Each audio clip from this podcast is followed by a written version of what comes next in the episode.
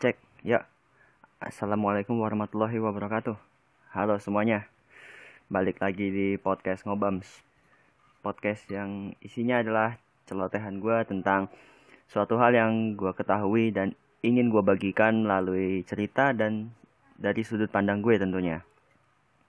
Akhirnya gue kembali rilis episode baru setelah hampir dua minggu lebih gue off nulis dan sebagainya karena kemarin-kemarin tuh lagi ujian dan gue juga harus mengatasi rasa malas gue untuk membuat podcast dan menulis juga tentunya. Ya maklum lah namanya pandemi kadang rasa malas itu sangat menguasai diri gue dan rajinnya jadi ya hilang gitu. Apalagi lagi pandemi kayak begini jadi susah juga mau ngapa-ngapain kan.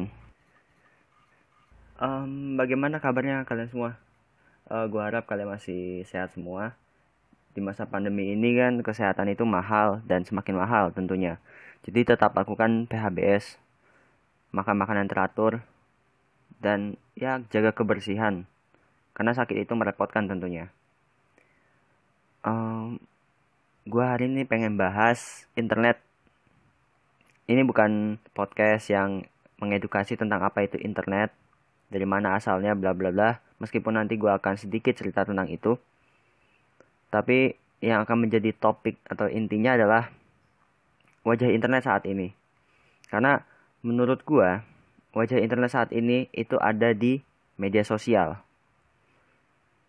Nanti gua akan bahas media sosial seperti apa, kemudian dampaknya, kemudian apa yang terjadi di media sosial, seputar apa, itu akan gue ceritakan. Kemudian nanti gue juga akan sedikit cerita pengalaman gue main sosial media. Karena ada beberapa media sosial yang pada akhirnya gue nggak menggunakan lagi atau gue kurangin lah lebih tepatnya. Karena banyak banget hal-hal yang memang mengganggu di media sosial. Penasaran? Ya pastinya penasaran lah ya. Kalau enggak ngapain kalian masih dengerin ini sampai detik ini? Ya tanpa lama-lama lagi sebelum gue mulai puter intronya dulu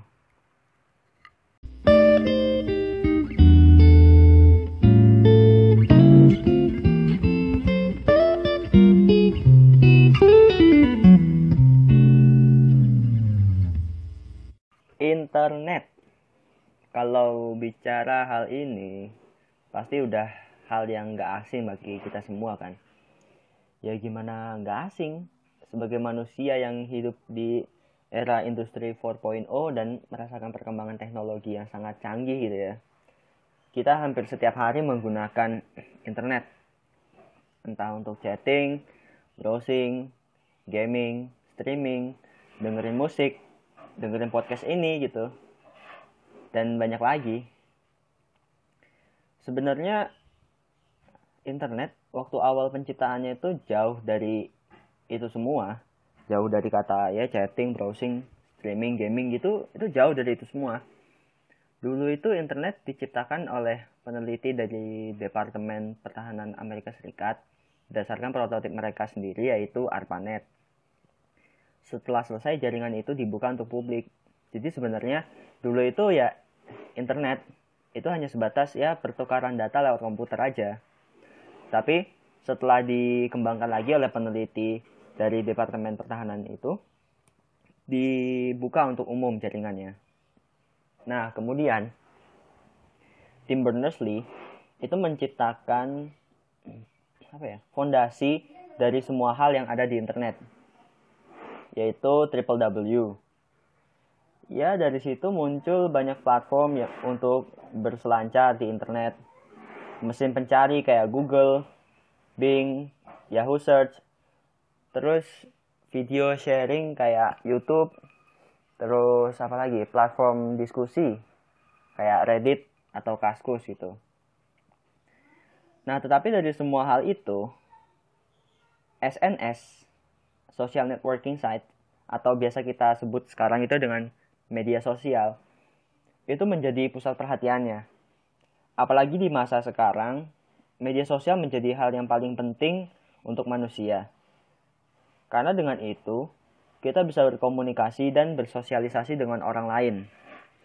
Tentunya dengan ini internet menjadi hal yang positif bagi manusia. Kita mau bersosialisasi, nggak harus keluar rumah, ya nggak lagi harus keluar rumah, gitu. Dan ketemu orangnya. Sekarang udah bisa via online. Mau diskusi nggak lagi harus kumpul di suatu tempat. Sekarang udah bisa lewat forum online dan banyak lagi yang bisa kita lakukan dengan internet. Toh jualan pun juga bisa kok lewat apa media sosial, lewat online tuh bisa kok sekarang. Ada kan uh, apa toko online all shop gitu uh, akan tetapi belakangan ini gue merasa bahwa semakin maju teknologi kadang semakin bodoh juga penggunanya gitu. ya contohnya aja smartphone ya smart itu phone-nya tapi usernya itu kadang enggak itu dan dari hal itu juga uh, hal yang sama terjadi di internet gitu. Internet saat ini tidak hanya sebatas membantu saja, tapi juga bisa mengubah manusia gitu. Orang bisa berubah kalau dia kelamaan berada di internet loh. Uh, gini, internet itu adalah portal menuju dunia. Maksudnya adalah kita bisa ke mana saja dengan internet.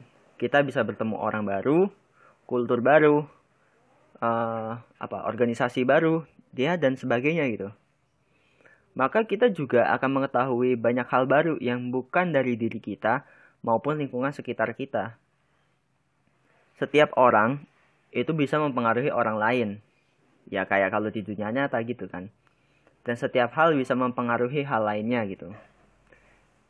Internet itu dinamis. Kalau kita nggak bijak kalau kita nggak hati-hati kita yang akan terseret dan terkena perubahan karena itu. Uh, kemudian menurut gua platform yang paling berdampak dalam kehidupan kita adalah media sosial. Dan gue katakan menurut gue media sosial adalah racun toxic. media sosial pada dasarnya ditujukan agar kita terhubung dengan orang-orang dan bisa bersosial lebih jauh. Akan tetapi, dengan pengetahuan manusia yang semakin berkembang, media sosial juga semakin beragam fungsinya. Ada yang pakai buat jualan, mutualan, sampai perdebatan. Nggak ada platform khusus di sini. Maksudnya yang dikhususkan gitu. Nggak ada. Menurut gue hampir semua medsos itu ada hal-hal seperti itu mau Twitter, Facebook, Instagram, WhatsApp dan lain-lain gitu. Lo lihat deh sekarang, media sosial menjadi tempat untuk buka lapak, ya, jualan. Ya, gue nggak masalah dengan ini sebenarnya. Namanya juga orang dagang kan ke mana-mana, ya mempromosikan dagangannya gitu. Tapi gini, gue ini pribadi gue aja sih. Kadang gue sebel aja liatnya, apalagi di Twitter buset itu yang namanya orang komentar di thread itu banyak banget kan pasti lo pernah buka thread yang komentarnya ratusan ribuan gitu kan? Tapi setiap ada komentar itu pasti ada aja selipan dagangannya gitu. Diselipin gitu. Entah itu jualan apa namanya makanan minuman barang jasa apalah gitu ya. Itu kalau gue gambarin thread itu adalah pasar. Netizen yang komentar yang lalu lalang di sana itu adalah pembelinya. Dan penjualnya adalah mereka yang komen yang nyelipin dagangan mereka. Ya, maksud gue kalau komentar itu ya sesuai gitu loh. Kalau threadnya adalah untuk thread untuk diskusi, ya masa iya lo jualan gitu loh. Kan ada lapak lain gitu, ada tempat lain lah. Misalkan uh, ada thread khusus untuk hal seperti itu, ya gue juga nggak tahu ya. Tapi ya paling gue sering lihat itu kayak gitu jadi kalau ada thread untuk uh, bahas sesuatu diskusi sesuatu itu sempet sempetnya aja itu jualan gitu. Ya jangan karena lihat reply atau like-nya banyak lo bisa buka lapak di sana. Sometimes people need to talk more than to buy things. Kadang kita pengennya ngobrol aja gitu diskusi apa daripada kita harus ya beli sesuatu gitu loh. Ya gue tahu lu dagang tapi ya pada tempatnya lah gitu toh pedagang-pedagang kaki lima pun juga awalnya berdagang nggak pada tempatnya tapi karena disediakan tempat dia jualan di sana. Ada tempatnya itu. Selain buka lapak juga ya media sosial kadang membuat kita bertanggung jawab dengan apa yang kita lakukan atau posting di sana. Lo pasti tahu istilah mutualan kan? Anak Twitter mesti paham Nah, sering nggak sih lo ketemu akun yang followernya ribuan, ratus ribuan gitu? Mungkin kalau di Instagram itu sedikit kemungkinan lo bakal ketemu akun yang followernya sebanyak itu. Tapi di Twitter, aduh, itu kalau lo daftar jadi pejabat dan butuh dukungan, itu tuh udah bisa banget. Ya, gue kadang heran sama yang followernya setara kayak jumlah penduduk suatu kota itu kan itu dia kayak gubernurnya dan apa yang dia katakan ya itu mudah banget disukai gitu. Ya tapi juga mudah juga untuk di, dihujat gitu ya. Ya padahal kalau gue lihat tweetnya standar aja gitu. Dan orang-orang lain juga bisa kali tweet kayak gitu. Itu yang galau bijak so iye ya gitulah. Ya orang menyukai itu well Twitter is designed for that connecting people based on the same interest. Tapi gimana ya? Gue kalau misal di posisi orang itu yang nge-tweet itu, stres gue. Kayak omongan gue bakal dinotis banyak orang gitu loh. Kalau gue salah dikit, ya bisa dihabisin gue kayak, ih nggak nyangka ya lo ternyata gitu ya. Ya kayak gitu. Dan apa yang terjadi akhirnya? Ya yang terjadi itu perdebatan di antara ribuan follower atau di antara jutaan netizen yang ada di luar sana, ada sebagian yang suka dengan orang itu dan ada juga yang tidak suka. Yang tidak suka akan ngatain, yang suka akan membela. Pasti gitu. Tapi ada satu kelompok yang gue rasa yang gue rasa mereka akan bangga sekali dengan ini gitu. kelompok itu adalah ya kelompok-kelompok yang ya mereka merasa open minded gitu mereka yang terpelajar, pintar menganalisa situasi, dan berpendapat layaknya orang pintar. Ya, itu. Gua kasih tahu ya. Gua pribadi itu kadang males lihat orang kayak gini. Tidak memihak ke mana pun, tapi mencoba memberikan pandangannya sendiri dan seolah ingin menjadi penengah dan menyelesaikan perdebatan orang bodoh gitu. Ya, gimana ya? Aneh aja gitu. Kenapa harus kayak gitu? Ya tapi apakah gue benci dengan mereka?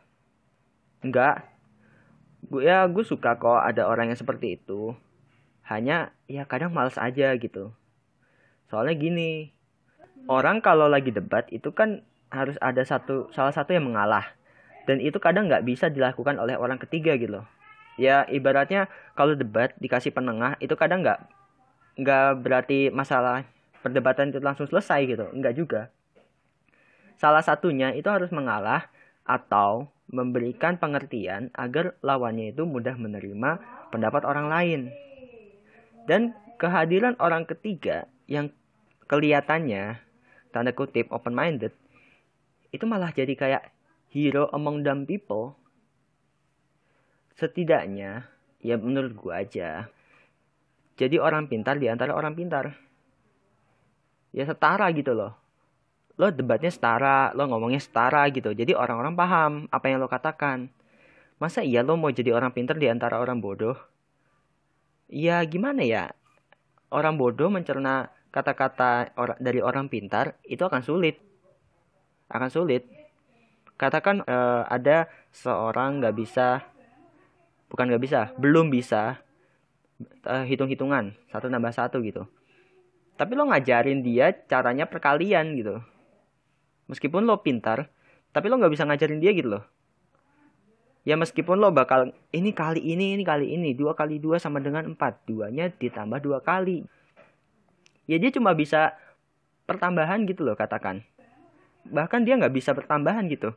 Ya susah gitu loh. Lo mau gimana gitu loh. Kadang nggak bisa diterima oleh orang itu kita itu baru-baru ini gue baca thread bahwa kita itu semua itu awam di internet. Pasti setiap dari kita itu merasa bahwa ketika kita berpendapat kita pasti punya pendapat yang paling benar gitu loh. Tapi hati-hati jangan sampai apa ya memutarbalikkan fakta yang ada gitu loh. Karena kadang ada juga orang-orang kayak gitu gitu yang kelihatannya pintar kelihatannya sangat open minded tapi ternyata dia cuma mengambil informasi dari satu sisi dan tidak dicerna lagi gitu nggak dicari lagi gitu. Istilahnya kalau kita bilangnya bertabayun gitu dicari dulu gitu baru lo ngomong.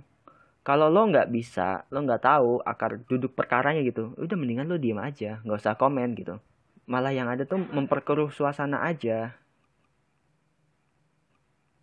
Um, selain juga tempat buat mutualan berdebatan dan sebagainya gitu-gitu ya. Sebenarnya perdebatan kayak gitu tuh munculnya dari mana sih? Ya dari masalah-masalah yang ada gitu loh. Dari masalah yang di blow up gitu loh.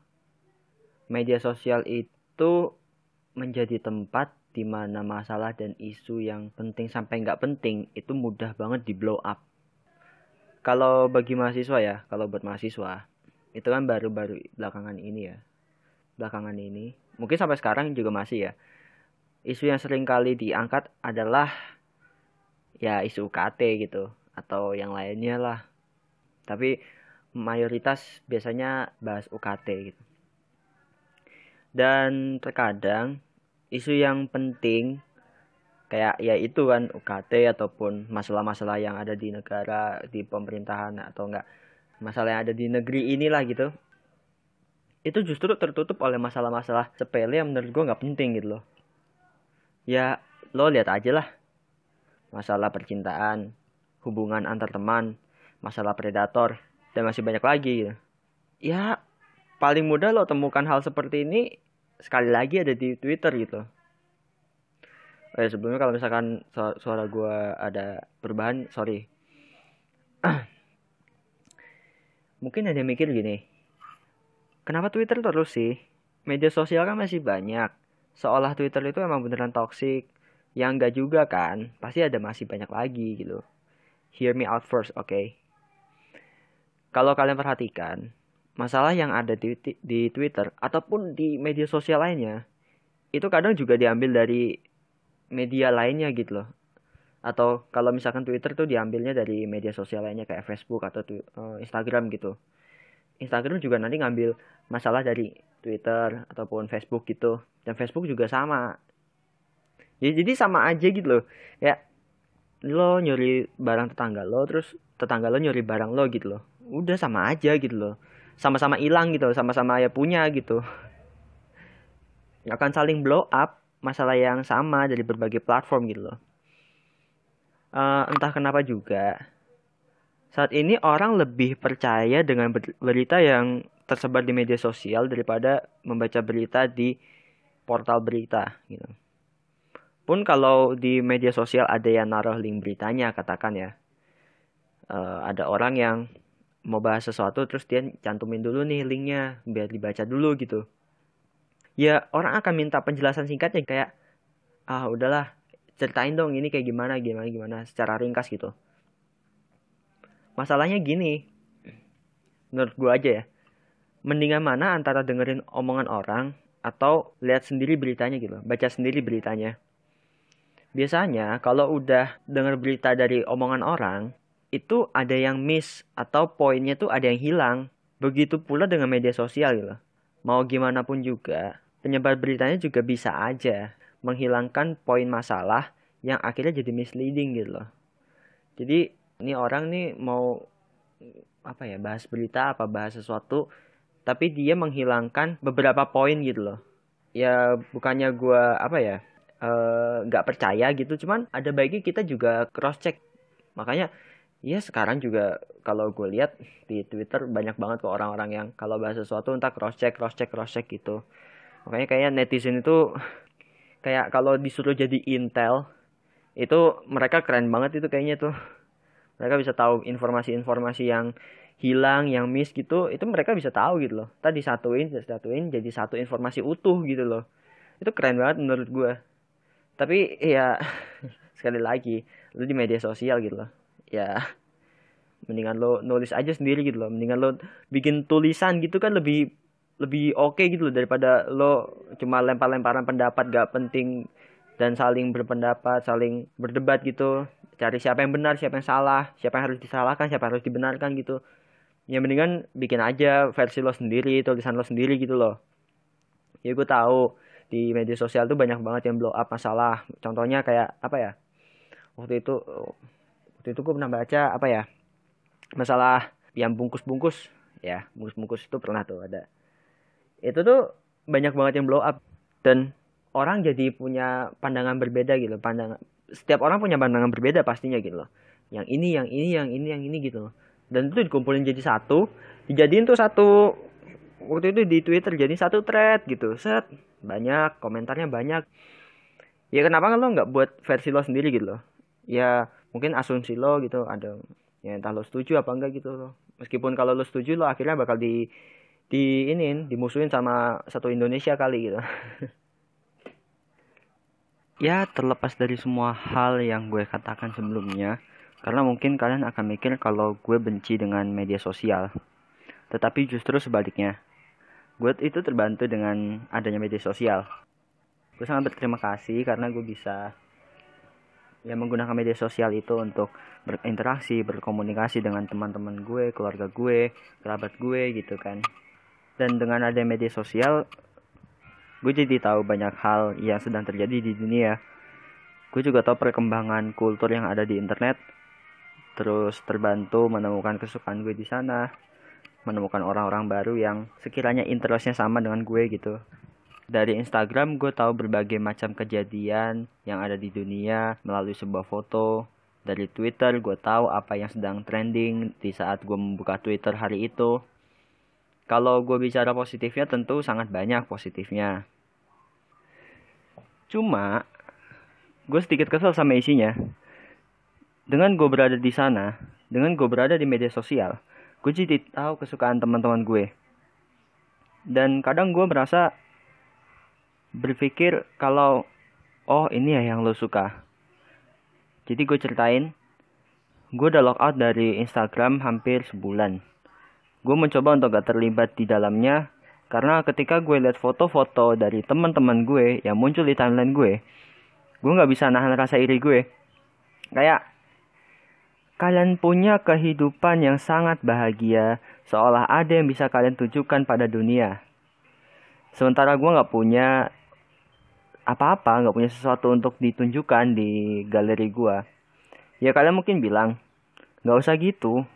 Semua orang punya kehidupan masing-masing. Jadi sendiri aja lah. Lalu apakah gua harus berhenti juga menggunakan media sosial?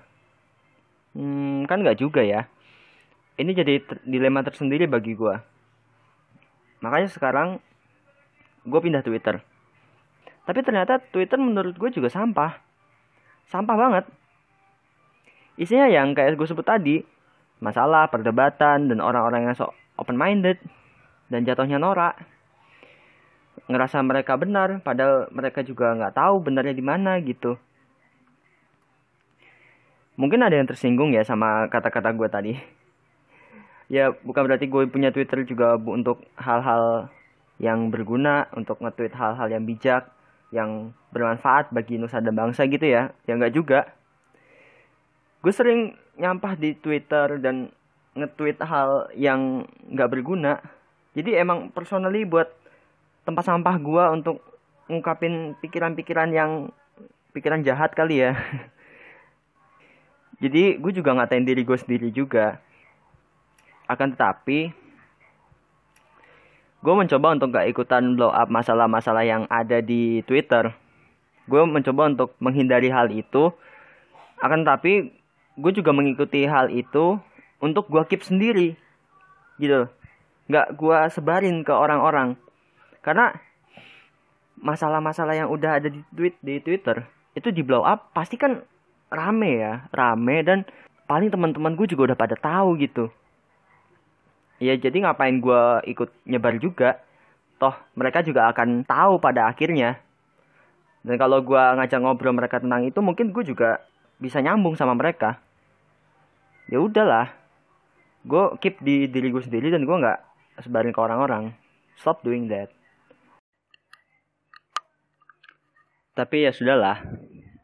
Itulah internet. Internet memberikan kita kebebasan untuk berekspresi dan berpendapat kita bebas berbicara dan posting apa aja asalkan kita nggak melewati batas. Jangan jadikan kebebasan berpendapat di internet sebagai tameng lo dalam melakukan sesuatu. Apa yang lo katakan apa yang lo posting semua itu adalah hasil perbuatan lo dan lo harus berani bertanggung jawab atas hal yang udah lo lakukan. Dan di media sosial, lo emang harus hati-hati. Karena nggak semua orang menyukai apa yang lo lakukan. Ini serius ya. Mulut netizen tuh kadang nyakitin banget. Jadi kalau lo nggak mampu menahan itu semua, mending media sosial lo cukup buka sehari sekali aja, cuma buat update berita terbaru gitu. Dan lagi, dengan keberadaan media sosial, orang cenderung merasa mereka powerful. Dengan memiliki ribuan follower, seseorang bisa membuat orang lain jatuh. Kayak lo dendam sama orang, tapi lo posting di medsos masalahnya lo sama dia. Alhasil pengikut lo lihat dan jadi ikutan benci sama orang yang lo benci itu. Tapi lagi-lagi dengan luasnya media sosial, beragam juga orang yang ada di sana, beragam juga orang yang komentar. Ada yang setuju, ada yang tidak setuju. Jadi ketika lo misalnya punya ribuan follower itu, maka lo harus hati-hati karena apa yang lo lakukan itu dilihat dan dicontoh kayak gitu. Itulah tadi celotehan gue tentang media sosial. Saat ini memang media sosial menjadi platform yang paling penting agar kita tetap terhubung dengan keluarga, teman, serta kerabat. Akan tetapi, kita harus bijak menggunakannya. Karena arus penyebaran informasi di media sosial itu sangat cepat dan sangat deras. Sekali terjebak di dalamnya, kalian akan sulit melepaskan diri. Ya, kita punya banyak waktu luang untuk menggunakan media sosial. Kenapa kita nggak menggunakan waktu itu untuk melakukan hal-hal lain? For me, social media is toxic and it is time consuming. I think we can do many things if we take a break from social media for a while. Don't let social media controls you. You should take control of yourself. Anjay, bahasa gue. Oke, sekian dari gue. Maaf kalau ada salah kata atau berantakan bahas bahasannya atau lainnya. Sorry juga kalau misalnya ada yang terkesan terpotong dan sebagainya. Itu mungkin karena editan gue belum rapi dan sebagainya. Ke depannya gue akan mencoba untuk improve lebih baik lagi. Nah kalau misalnya ada kata-kata yang berulang, gue mohon maaf. Itu memang kebiasaan gue gue akan coba untuk hilangkan itu ke depannya karena ini juga salah satu sarana gue buat latih diri gue berbicara dengan benar. Dan lagi apa yang gue katakan adalah murni pendapat gue sendiri. Kalau nggak setuju terserah. Kalau setuju ya udah. Terserah kalian yang dengerin mau menangkapnya seperti apa. Ya nama gue Reza. Kita ketemu lagi di episode ngobam lainnya see you guys. Wassalamualaikum warahmatullahi wabarakatuh